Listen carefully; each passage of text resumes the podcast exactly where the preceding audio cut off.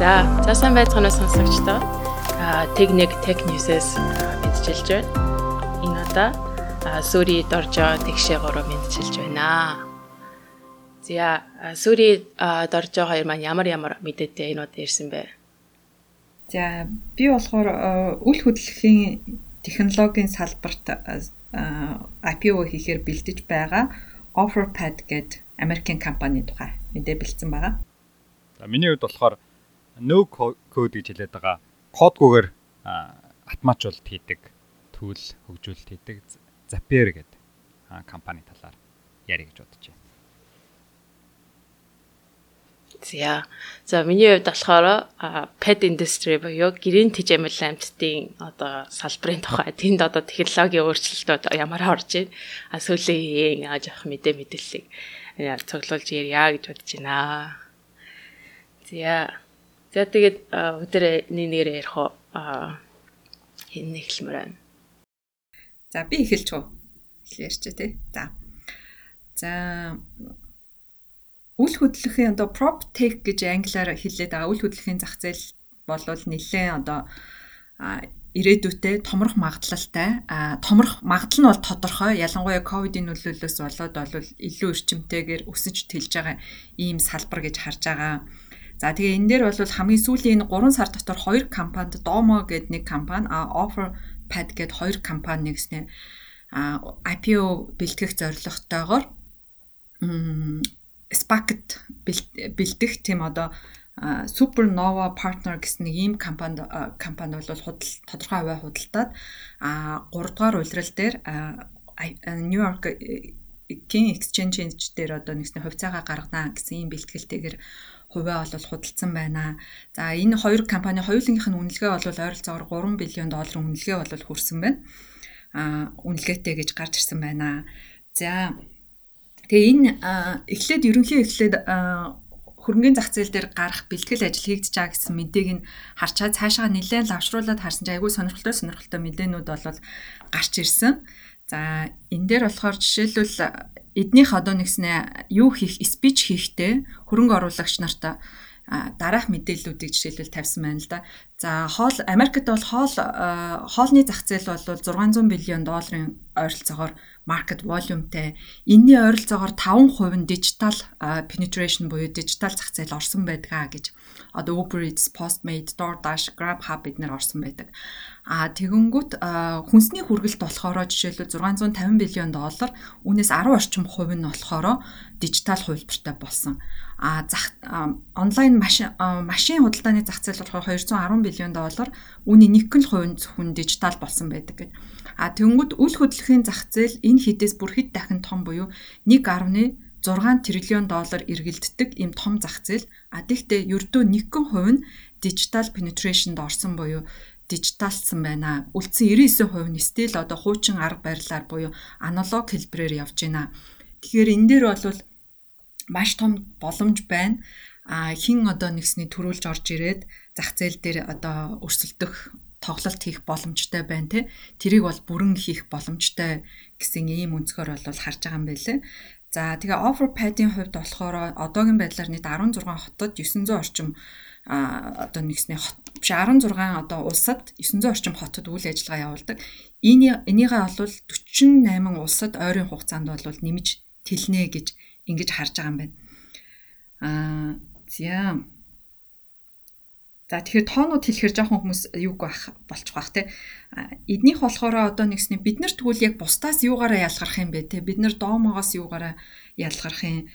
За зах зээлийн гол одоо том өрсөлдөгч байгаа open door а за одоо энийг яг э, Zillow гэдэг одоо нэгсний юм яг digital property техүүдээс юугаараа ялгарх вэ гингүүд энэ хамгийн том хэлж байгаа зүйл нь бид нар нэг байшинг зарах маржнараа болвол хамгийн өндөр гүйцэтгэлтэй байдгаа тухайн зах зээл дээр нэг байшингаас олж байгаа ашигын хувь маань хамгийн өндөр байгаад байгаа. За тэгээ бид нэр энэ бол хамгийн том онцлог манай бол зах зээлийн ялангуяа property-ийн хамгийн том онцлог бусад өрсөлдөгчнөйгөө харьцуулахад а энтэй гадна бидний буцаага давуу талууд юу вэ гэх юм бол а ойролцоогоор ямарваа нэгэн байшинг мэдээж аналог хувилбараар зарах юм бол дунджаар 6 сар болдог юм байна л да одоо байраа хаан зарах уу, листэнд оруулна, хүмүүст үзүүлнэ, буцаага тэрийг нөгөө авах хүн нь бэлтгэл ажиллаа хийн гэд дор хаяж дунджаар 6 сар зарцуулдаг болвол хэрв одоо та хэд одоо нэгсний ийм дижитал сувг дээр ороод ирчингүүд дунджаар 43 хоног болж багасд юм байна. 43 хоног болд юм байна. Тэгэхээр маш богино хугацаанд одоо нэгсний бүтээгдэхүүнээ зарах боломжтой гэж харж байгаа.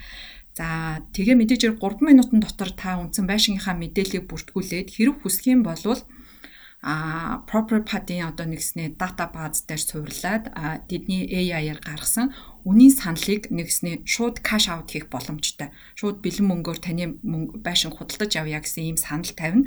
А хэрвээ танд тэр одоо нэгснээ үнэлгээ таалагдчих юм бол та тэр үнэлгээгээр байшингаа бүрэн шууд одоо нэгснээ 24 цагийн дотор бүрэн зарах боломжтой гэж байгаа юм.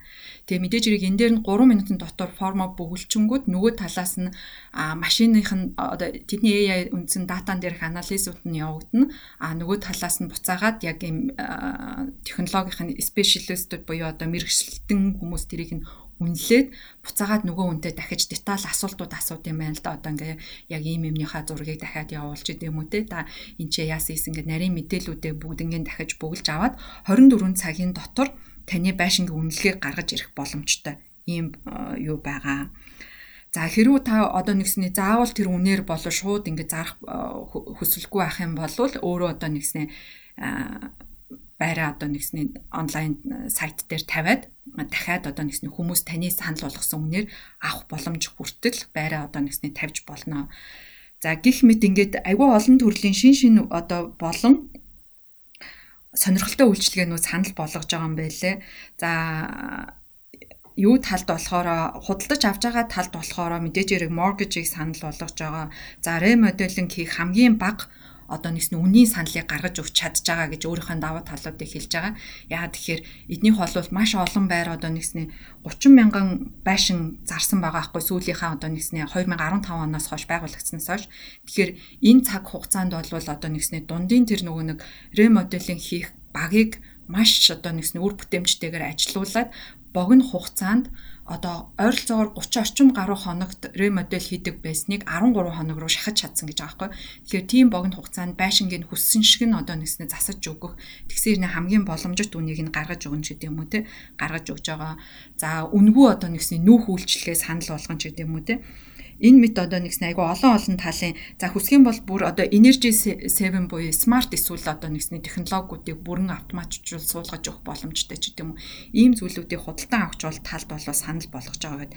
Ингээд а энэ олон зарж байгаа болон авж байгаа талдаа аль аль талдаа маш олон гой шинэлэг шинэлэг за зарим ихэнх нь шинэлэг гэж бас хэлгээд хэцүү. А тэгтээ бол олон одоо нэгсний үйлчлэгээнүүдийг бий болгоод энэ одоо нэгсний давуу талуудаа улам хадгаснаар а ойрын хугацаанд эднэр нэгт одоо нэгсний зах зээл дээрх open door-ыг бол гүйцэнэ гэж төлөвлөж байгаа юм байлээ одоо нэгснэ 2 биллион доллар давсан борлуулалт хийн. А за тэгээд ирээдүйд ойрын одоо нэгснэ дунд хугацаанд бол 23 биллион долларын борлуулалтыг бид нэр онлайн зах зээл дээр үл хөдлөхийг зарах бүрэн боломжтой гэж үзэж байгаа. Тэгээ өөртөө энэ дээр ихтгэл өмчлөлтэй байгаа гэсэн ийм мэдээ байна. Над камерын талаар вирус мэд сонсож байгааг сая төгөөж чимээгээр харж л мэдлээ.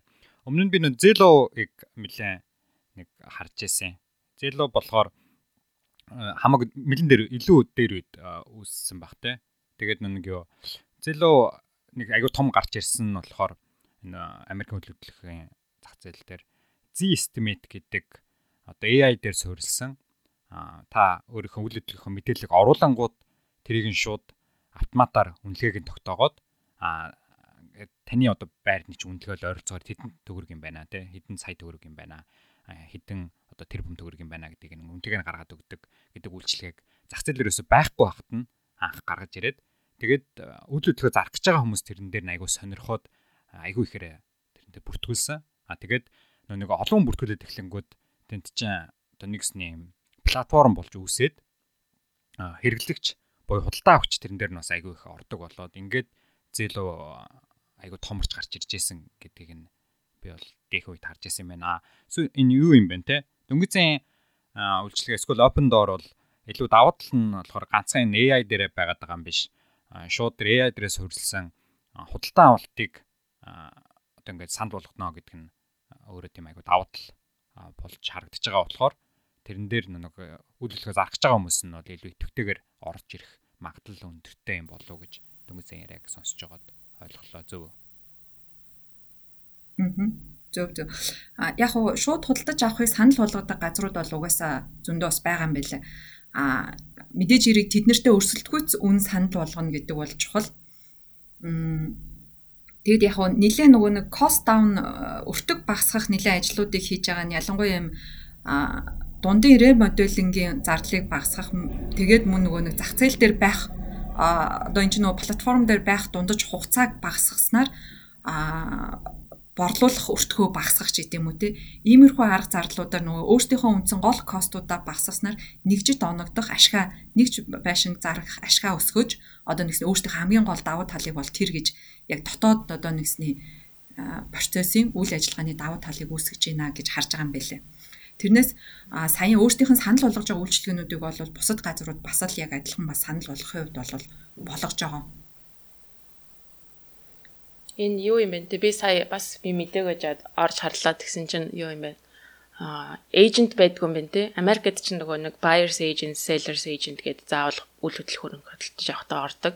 Эйжент байдаггүй юм шиг л харагдаж байна. Тэгээд бас дээрэс нь сонирхолтой нь бас том хотуудад гэж өөрсдийнх нь яг хайлайт хийж байгаа хотуудыг харсан чинь бүр нөгөө нэг одоо шилбэл Нью-Йорк, LA, San Francisco, Seattle гэх мэт том хотуудны нэр нь байхгүй байна. Тэгэхээр жоохон өөр бас маркетинг таргетлт юм болов уу гэж зүгээр би вебсайтыг орж харчаад тэгж харж байна. Яа Zillow өдр бол угаасаа хамгийн түрүүнд яг миний байгаа байршлыг San Francisco хотыг шууд гаргаж ирээд тэгээд buyers agent авах уу, Jesus sellers agent авах уу манай энэ дээр agent-д real estate agent-д байна гэдэг дандаа offer хийдэг.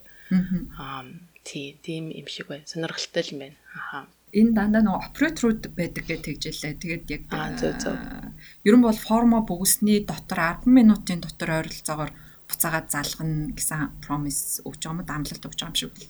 Зөв зөв. Энэ яриад бол дуусшгүй сэдв баха. Би бас Монголд байрны үн юу үн таамаглах модель хийх гэж бас нэг жоох оролдож үзчихсэн тэхэ. Аа ингээд юу гэсэн дуусгач тий яриагаа. За тэгээ. За тэгээ. За тэгээ дараад оржогийн яа сэдв рүү орох уу? За а миний хувьд болохоор өнөөдөр no coding кодгүйгээр хөгжүүлэлт хийе гэдэг юм сэдвтэй түүл хөгжүүлэлт хийдэг Zapier гэдэг компани байгаа. Энэ тал компани талаар яриа гэж бодож байна. Тэгээд энэ компани талаар сүүлд хоёрч айгу дараасан том мэдээ явж ирсэн болохоор анхаарал татаад ярихаа шийдсэн. За энэ Zapier гэдэг компани маань болохоор айгүй сонирхолтой компани байгаад байгаа. 2000 анх 12 онд үүссэн. А тэгээд гол үйл одоо үйлчлэгээ өгдөг энэ сервис нь болохоор янз бүрийн одоо бид нар одоо чинь Gmail, Slack, тэгэл Mailchimp өөр юу гэдэг янз бүрийн юм онлайн төлөвлөлт хэрэгжилж байгаа шүү дээ. Тэнгүүд энэ төлөвлөлтөд хоорондоо уялдаа ямар нэгэн байдлаар холбоос тэг байдлаар бол угаасаа бид нэр л өөрсдөө ажил одоо хэрэгэлдэг. А гэхдээ автоматар шууд хоорондоо нэг холбогдсон одоо юм бол харьцангуй бага байдаг штеп. А тэнгууд энэ Zapier гэдэг төлөв маань болохоор энийг хооронд нь автоматар ямар нэгэн байдлаар холбоод ийм одоо өөрийнхөө ажилдаа ашиглах боломжийг олгодог юм төлөв байгаа. Тэгээд одоо болохоор нэг ерөнхийдөө зах зээл дээр байгаа 3000 гаруй аппликейшнийг ямар нэгэн байдлаар ашиг одоо энэ автоматцлалтаа холбож болдог. А тэгээд жишээ нь одоо ямар тохиолдолд байж болох вэ гэхлээр За жишээ нь Mailchimp гээд одоо mail хэрэглэгчүүд рүү явуулдаг үйлчлэг хэрэгэлдэг хүн байлаа гэж бодъё л доо тий. А тэнгууд Mailchimp хэрэглэнгээ хажуугаар нь давхар нүг үйлчлэгчтэй Google Sheet дээр ч юм уу Excel дээр ингээд давхар хянаад бүртгэж явдаг хүн байлаа гэж бодъё. Тэнгууд хоёр юм дээр ерөнхийдөө төстэй юм хийгээд яваад байдаг. А гэхдээ аль альнийх нэг давуу тал байгаа гэдэг гэдэг юм байнгут. А жишээ нь Google Sheet дээр шин юм юу хэрэглэгч бүртгүүлэнгүүд а тэр нь шууд Mailchimp рүү ингээд автоматар орчдөг ч юм уу тий. Эсвэл арай өөр жишээ ярих юм бол Gmail дээр нэг имэйл ирээл тэрийг нь тэмдэглээд star юу тэмдэглэл тавьжингууд тэр нь өөр чи хэрэгэлдэг одоо Trello-ро to do list болж орж ирдэг ч юм уу. Ийм байдлаар ингээд янз бүрийн төлөвүүдийг хооронд нь холбох боломжийг нь олгоцсон. Тэнгүүд ерөнхийдөө ийм жижиг ийм онлайн дээр хийгддэг таскууд автомат болох боломжтой гэж хэлээд байгаа. Аа тэгээд ер нь бол энэ ийм автоматжуулснаар ерөнхийдөө ажлын одоо нэг олон удаад автагддаг ажлуудыг асар багасгах одоо автоматжуулах боломж нь өндөрсдөг. А тэгээд энэ Zapier маань болохоор 2012 онд үүснээс хойш айгүй амжилттай явсан. Тэрний одоо нэг гол илрэл болж харагдаж байгаа юм нь болохоор сайхан нэг сар гарсан мэдээгээр та бүхэн ихэд яавал ойлгол айгүй нэг ойлгомжтой юм нь болохоор энэ компани маань ерөөсөө одоо хүртэл нэг гэн л удаа хөрөнгө таталт хийсэн байгаа. А тэр нь анх seed round гэдэг байдлаар одоо анхныхаа нэг юу суурь мөнгийг босхын тулд 1.2 сая долларын хөрөнгийг хэд хэдэн юм хөрөнгө оруулагчдаас татаад хийжсэн. Тэр нь бол бүр маш олон жилийн өмнө. Дөнгөж үүснийхаа дараах. Тэгээд тэрнээс хойш л ерөөсөө энэ 8 жилийн хугацаанд огт хөрөнгө оруулагч нэр татахгүй байж байжгаад саяхан нөгөө нэг хөрөнгө оруулсан нөхдүүд нь болохоор өөр хүмүүст хөрөнгө оруулагч дахиад юугаа хувьцаагаа зарсан нь тэрнийх нь үнэлгээ нь болохоор 5 тэрбум доллар болцсон байсан байгаад байгаа. Тэгэхээр ерөөсөө ямар ч шинээр хөрөнгө оруулалт таталгүйгээр 5 тэрбум долларын компани болтлоо өссөн. А тэгээд ерөөсөө шалтгаан нь бол ойлгомжтой. А яг өнөөдөр ингээд онлайн төлөвд зах зээлээр агүй ихээр гарч ирээд хүмүүс хэрэгэлдэг болоод ирэнгүү тэрний хоолнд нь уйсан интеграцсэн солиушныг хэрэгцээ айгүй өндөртэй. Тэгээд хүмүүс мөнгөө төлөөд хангалттай ерөнхийдөө хэрэглээд байгаа гэдэг нь ойлгомжтой харагдчихж байгаа. А тэгээд өнөөдрийн хэмжээнд бол нийтдээ энэ компани маань болохоор 400 ажилтнтай жилийн одоо давтан олдог орлого нь гэх юм уу те жилийн байнга олох боломжтой орлого нь болохоор одоогийн байдлаар 140 сая долларын хэмжээнд хүрсэн гэж хэлэгдэж байгаа юм байлаа. Тэгээд а бас айгүй юм сонирхолтой компани байгаа. Тэгээд энэтэй холбогдлолтой ер нь ягаад энэ мэдээ дээр анхаарч одоо сонгоё гэдэг дээр болохоор нэгдүгээр талаар макро тренд талаасаа энэ no code эсвэл low code код гэж хэлээд байгаа. Ямар нэгэн байдлаар хэрэглэгч өөрөө софтверийн бичих инженерингийн одоо чадвар байхгүй байсан ч гэсэн а одоо автоматжуулалт тийм юмнуудыг хэрэглэх боломжийг өгөөд эхэлчихэж байгаа тий. Дөнгөсийн өмнө нь бол одоо чинь Gmail дээр sheet дээр ингээл нэг мэдээлэл орж ирэнгүүт тэр нь автоматар өөр нэг юм руу оруулдаг ч юм уу тий. Тэнгүүтээ өөр юм руу оруулангууд дахиад нэг өөр юм автоматар хийх гэх мэт юм ч юм бол заавал яг нэг программист хөгжүүлэгч хүн байхгүй бол хийж чаддгүй байсан юмуудыг а одоо би ч гэсэн хийх боломжтой болгочихж байгаа. А би яг одоо л ерөөсөө тийм код бичдэг хүн биш те. А жишээ нь бид нар өнөөдөр одоо ингээд түрүүн ярьсан энийг подкаст болгоод оруулж байгаа гэж ярьсан шүү дээ те. Тэгвэл энэ подкаст болгож оруулж байгаа юм а За SoundCloud дээр орууллаа, YouTube дээр орууллаа гингүүд YouTube дээр чинь оруулангууд тэр нь автоматар Facebook дээр пост болж гаргаж ирдэг байдлаар Zapier-ыг ашиглаад хооронд нь уйчиж жишээ нь болж байгаа жишээтэй тийм. За ийм одоо код байхгүйгээр кодгүйгээр хөгжүүлэлт одоо автоматжуулалт хийх боломжийг олгож байна гэдэг юм маань болохоор айгуу тийм том макро тренд болж үүсээд байгаа. Тэгээд ерөнхийдөө бараг ихэнх ямар нэгэн софтвер одоо бидний хэрэгжилж байгаа төлөвлөд бол ер нь л ийм хэрэгслийг бол дотор агуулдаг болно. Аа тэгээд гэхдээ яг энэ дээр ингэж голчилж явж байгаа юм. Одоо Zapier шиг ч юм эсвэл Airtable, Webflow гэдэг янз бүрийн иймэрхүү ойролцоо одоо ойролцоо гэх юм эсвэл no code гэдэг концепт дор одоо үйлчлэг хөргөж байгаа компаниуд бол улам л сүүлийн үед бол томроод байгаа. Тийм болохоор энэ нь бол яг одоо хөгжүүлэгч бус одоо инженер бус хүмүүсийн нүдээр харах юм бол айгүй баярлуу штэ. Аа тэгээд яг өөрийнхөө ажил дээр бас хэрэглэх үнэхээр яг бодит боломжтой э, хэрэгслүүд байгаа. За э, энэтэй холбоотой дахиад нэг маш богинохноор дахиад нэг мэдээ анхаарал татсыг нь ярьчээ. За Zapier болохоор сая 2-7 хоногийн өмнө уу? MakerPad гэдэг онлайн боловсролын ийм юг сервисыг бас худалдаж авсан байгаа. А тэгээд MakerPad нь болохоор яг ийм no code ашигласан ашиглах аргыг онлайнаар заадаг ийм веб байсан байгаа. Тэгээд Zapier бол ерөөсөө ойлгомжтой. Өөрсдөө энийг хэрвээ гэд нэгтгэхэд өөрсдөө харуулад авчих юм бол, худалдаад авчих юм бол мэдээж тэдний одоо давуу талыг нь одоо тэрэн дээр байгаа онлайн дээр байгаа янз бүрийн одоо мэдээллүүдийг нь өөрийнхөө вебсайт дээр одоо чинь оруулж өгөөд хэрэглэгчтэй илүү ингээд одоо мэдхгүй хүмүүсийг сургана гэсэн үг шүү дээ тий. Сургаад өөрсдийн төлийг бүр илүү их хэрэглэхэд амар болгоод өгөх ер нь юм болов гэдэг утгаараас энэ maker pad-ыг худалдаж авсан гэдэг мэдээ нь бас айгүй зөв одоо стратегийн юу байсан болов шийдэл байсан болов гэж хараад бас сонирхолтой санагдсан. За миний мэдээ нэг юм байлаа. За а би Zapier-ыг бол сайн мэдгүй Airtable-ыг сая сүүл нөө тэгшээ яг энэ ч event үсгээд task үсгээд юу ан дээр өмнө би нэг 2 жилийн өмнө илүү яг Airtable-ыг нэг ашиглах гад жоох надад айгүй ойлгомжгүй байгаад байсан байхгүй. Тэгэхээр сая бол бүр ингээд маш амар болцсон бүр айгүй супер болцсон байлээ. Тэгэхээр яг энэ төрлийн no coding-ийн юунууд бол яг харахгүй. Ирээдүйтэй. Би сая нэг Япон хүний подкаст сонсчихсан Япон стартап хийж байгаа хүний подкаст. Тэдний стартап нь одоо ингээд тоолсон чинь компани дээр баг 70 80 ширхэг юм янз бүрийн төгөл ашигладаг гэд. Тэнгүүд одоо чинь Airtable-ийг жишээнтэй ашигладаг гэж аах. Тэгээд Airtable-ийг одоо чинь хаана ашиглаж байна вэ гэхэлэр хэрэглэгч тэдний вебсайт руу н ороод хүсэлт явуулангууд тэр мэдээлэл нь Airtable дээр ороод Airtable-ээс ахаад цаашаага өөр одоо тэдний өөрсдийн систем рүү мэдээлэл нь шидэгдээд ингээд автоматар одоо нэг юу арталтаа гэрээ байгуулагдаад тэнгуүтэ гэрээ байгуулагчлаа шүү гэдэг мэдээлэл нь буцаад хэрэглэгч рүүгээ одоо мэйлэр ч юм уу эсвэл вебсайтаар очдог гэх мэтэр те ингээд бүх юмыг эн тент ингээд баах юм холбоод автоматжуулаад яваад идэг а ерөөд ийм боломжууд айгу өндөр болсон. Та юу хараагүй юу? Энэ Clubhouse-ийн яг нөгөө feel up хийх нөгөө өрөө үсгэх дээр өмнө хүсэлт бөглөдөг байсан шүү дээ, тий? Тэр хүсэлт бөглөх section бүх хэсгүүд Airtable дээр байсан ш сая. Тийм анзаараагүй. Тийм үү. Бас орой үед нийлээ би бас харж байсан чинь тийм жижиг нөө indie hackers-ууд байдаг шүү дээ. Жижиг компани үүсгэж байгаа. Тэдгэр хүмүүс бас Airtable, одоо Notion ч юм хэмжлээ яг л нөгөө no code төлөлт байгаа. Тэдрийг бас нэлээ хэрэгэлдэг болсон байлээ. Шууд нөгөө нэг ямар нэгэн тийм table тэр хийсэндээ мэдээлэл оруулахдаа шууд ингээ Airtable оруулсан. Тэгээд тэр нь live update гэдэг ингээ яваад байдаг. Тийм зүйлүүдийг бас ингээ тавьсан билээ. Тэгэхээр иймэрхүү интеграшнууд бас нэлээд явах юм шиг байгаа. Одоо бүр ингээд хитрхих олон төлөлтэй болсон. Яг хэрэглэгчийн үүднээс харах юм бол бүр ядармаар ихтэй. Нэг этрэн дээр очивол нэг юм дээр очиж янзлал, Gmail дээр очиж ягаал, календар дээр очивол тэгэл Zoom-ээ онгойлгоод Slack-аараа мессеж харуул, Trello-го орж хараад ёо. Нэг л оллоо ёо тий. Харин гар утсан дээр одоо юунууд багтахгүй л энэ апууд багтахгүй л болох гээд шүү. Харин тий.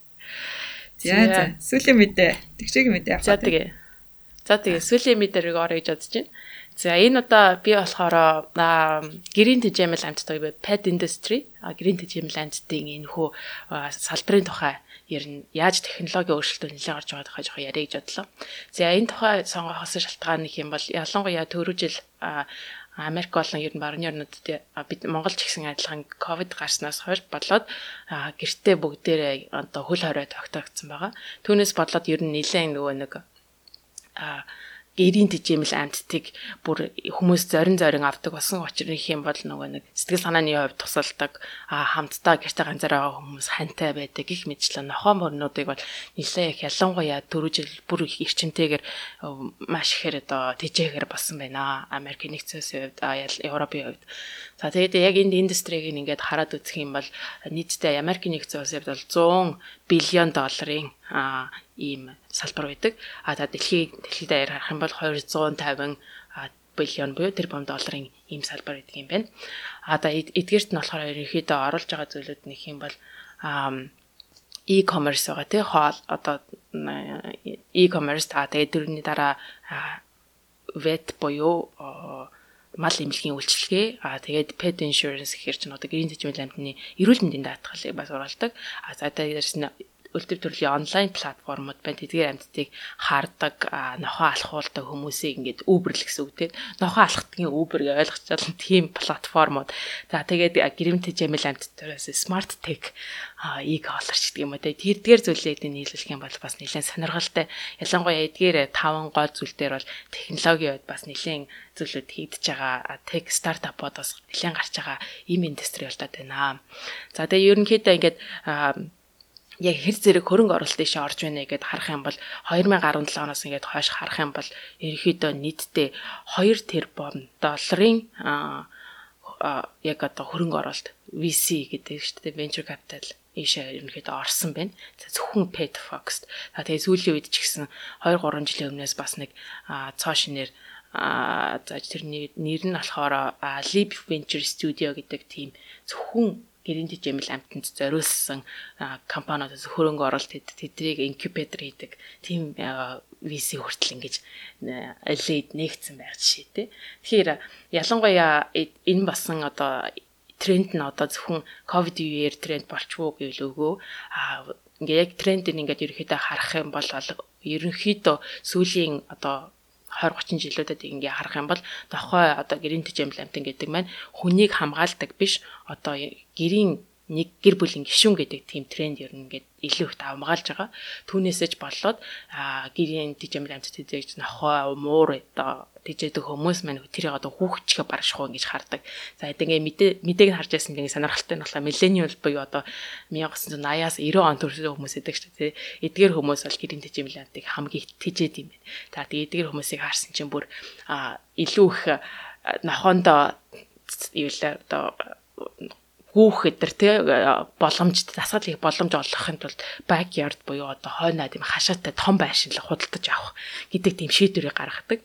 Аа тэгээд тийм биш ч гэсэн зарим одоо нохотой болохын тулд том юм хашаа байшаа орё гэдэг. Тэгэхээр ингээд millennial ч өөрсдөө нөгөө нэг бид нар байшаа худалдаж авдаг, машин худалдаж авдаг гэдэг тийм трендing хүмүүс байсан ч бид нар бүр нохооныхоо төлөө ийм хийж авдаг. Аа за тэгээд сарын зарцуулах орлого одоо жилд гэх юм бол дундчаар ойролцоогоор 1000-аас 1500 долларыг бол зөвхөн нохоо мөрөндө зарцуулдаг гэдэг юм уу. Их мэдчлээ ер нь бол маш их зардалтай. За тэгээд нэг гэр бүлийн гишүүн гэж боддог бас учраас илүү их мөнгө зарцуулах хандлагатай болсон ийм тренд байгаа байна. За за тэгээд ойрын үеийн одоо сонирхолтой хөрөнгө оруулалт татж байгаа компани гэх юм бол Сан Францискод байдаг Fazi гэдэг pet parent гэдэг энэ болохоор эрүүл мэндийн тийм subscription based компани. Тэр нь болохоор юу гэдэг вэ гэхээр 24 цаг ер нь бол ингээд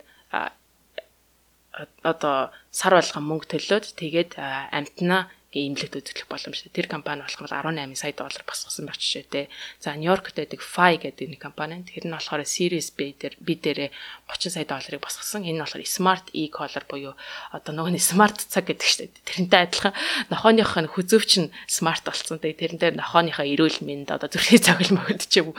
Тэгээ хаал явж байгаа GPS өдөртэй. Тэгээд нохоогоо алдах юм бол тэр GPS-аар нь олж авах боломжтой гэх мэтлээ. Тийм нохооны хүзөвчийг smart хүзөвчийг хийж байгаа юм. За тэгээ Испани Канад байдаг бас нэг компани компани Barkibu гэдэг энэ компаниас 5 6 сая долларыг босгосон байх шүү дээ. Энэ болохоор а нохон дээр зориулсан а эрүүл мэндийн тухай AI-аар а ихэд шинж тэмдгүүдийг хийх юм бол ийм бүчин байх магадaltaй маань эмчтэй ярих гэж гэдэг юм уу. Одоо ийм ийм саналлах юм гэх мэтлэн хиймэл оюун ухаанаар дээр нохооных нь байгаа биеийн байдлыг нь одоо одоо таамагладаг тийм платформуд дээр гаргасан байх юм байна. За тэгээд сүүлийн яг нэгэн томорч байгаа нэг нь болохоор Rover гэдэг байгаа. Энэ болохоор Rover гэдэг платформ нь болохоор ерөнхийдөө бид нар нохой болон нохой алхуулдаг хүмүүсийг Uber гэд ойлгосч болно. Тэрний юу гэхэлэр ингээд ойр хавьд байгаа апн дээрээ ингээд хараад би нохоогоо алхуулмаар байна. Би одоо хин нэг манай нохоог алхуулдаг чадахгүй батаг ингээд ойр хавьд жоо нохоо алхуулдаг хүмүүс хурж ирээд та нохоог алхуулдаг юу гэд нэг цаг аваад гардаг байх шээ тэ. Эсвэл нохоогийн түр харах хүн би хөдөө явуулчлаа. Миний нохоог харах хүн байна уу гингүүд дахиад Uber шиг нөгөө харах хүмүүсээ дуудаад эсвэл харах хүнийх нь гэрт нь авчиж өгөөд а тэгээ харуулдаг ийм rover гэж үйлчлэгээ байгаа. Энэ нь болохоор сая энэ жил 2 сард ерөнхийдөө IPO буюу хийхээ ер нь зарласан. Тэгээд үнэлгээ нь болох юм бол 1.3 тэрбум доллараар үнэлэгдээд байгаа ерөнхийдөө нохоо гэрэн тэжээвлэндийн хувьд бол бас unicorn болж байгаа тийм компани. За бас нэг сонирхолтой Barkbox гэж компани байгаа. Эдгээр бас Barkbox бас өнгөрсөн жил ер нь 12 сард ер нь IPO хийн гэдгээ зарсан. Тэгэхээр энэ хоёр IPO маань болохоор ерөнхийдөө SPAC буюу Special Purpose Acquisition компаниар хийгдэж байгаа тийм IPO байгаа яг нөгөө нэг хөрөнгөний зах зээл дээр биш те жоохон өөр төрлийн IPO гэж хэлж байна. Гэхдээ ер нь паблик болж байгаа гэсэн. А за тэр нь бол бас 1.1.6 тэрбум доллараар үнэлэгдсэн. За Barkbox нь яадаг компани вэ гэхээр сарын тим subscription хийдэг, бүртгүүлчдэг. Тэгээ сар болгон оролцоо нэг 30-аас 40 доллар ч юм уу төлөөд а тэгэнгүүт нохоонд чинь зориулсан ийм тоглоом, тритмент одоо хоолонд иддэг тийм нохоонд чинь зөвхөн зориулсан тийм бүтээгдэхүүнэлийг сар болгон танай гэрт хүрээдэг ийм компанигоо энэ айгу хөөрхөн компани. Бид дэргэлж байгаа гэдэгт дотор нэг айгу хөөрхөн юм байдаг. Тэгээ сар болгоо ингээд хэрэгтэй зөвлөж чинь. Тэгээ нохоо ч н одоо байнга юм шин тоглоом авдаг. Тэгээд ийм компаниуд хүртэл одоо ингээд а яг нэг Монголын үднээс харах юм бол Монгол яг гэрэнтэй жемл амтан яг нь тийм амар нөгөө нэг даам болоогүй юм үү тийм байгаа. Гэхдээ одоо Америк ч юм уу баруун орнуудыг харах юм бол энэ бас гэрэнтэй жемл амттын маркет гэдэг бас нэлээд том маркет байгаа. А тэгээд түүнээс гадна дахиад цаашдаа илүү их одоо инновац явагдах бүрэн боломжтой. А тэнийг нь бол цаашдаа ерөнхийдөө хөрөнгө оруулалт бас татах бүрэн боломжтой маркет байна гэд а иймэрхүү байдлаар сонирхолтой юм байна гэж бодоод өнөөдөр ярьж байгаа юм аа. Дөнгөж сүүлд ярьсан жишээг чинь сонсон чи юу юу санагчлаа. Японд хүүхд төрсний дараа ингээд сар болгон яг нэг хүүхдээ өсөлтөнд тааруулаад янз бүрийн тоглоом эсвэл одоо хэрэгтэй юм нэг нь явуулаад байдаг сервис гэдэг юм шүү дээ тийм. Бараг тэрийг дурайцсан юм шүү. Харин яг тэнэрхүү тэгэхээр ингээд бас нөгөө талаас харах юм бол энэ гэрийн тэжээмлийн амттыг баг нэг хүүхдийн маркет ямар хуваа гэдэгтэй уялдуулж байгаад адилхан одоо бизнес одоо тэг бизнес санаа гаргаж болохоор байгаа зү тий. Тий, айгүй их мөнгө айгүй хайдаг. Тэгээ энэ жилээс бүр ялангуяа хүмүүс нөгөө гэртээ байгаа болохоор нохоонд бүр амар анхаарал хандуулад хүмүүс нилээх мөнгө зарцуулж байгаа ийм маркет байгаа. Сонирхолтой байна. За ингээд энэ хүрээд энэ удаагийнхаа дугаарыг өндөрлөе гэж бодож байна. За манай дугаар мөн Clubhouse дээр ярьдаг байгаа. Монгол цагаар 2 дахь өдөр болгоны орой 10 цагаас Clubhouse дээр яг live байдлаар яваа. Техний 30 минутанд та бүхний сонсож байгаа хэсэг. А за тэг үлдсэн 20-30 минутанд нь чөлөөт ярилцлагын ярилцдаг байгаа. За тэг эзнэр хож байл мөн бидний Clubhouse дээр очлоорой гэж өрье. За тэгээ дараагийнхаа дугаараар уулзтлаа. Бүтэр баяртай. Thank you.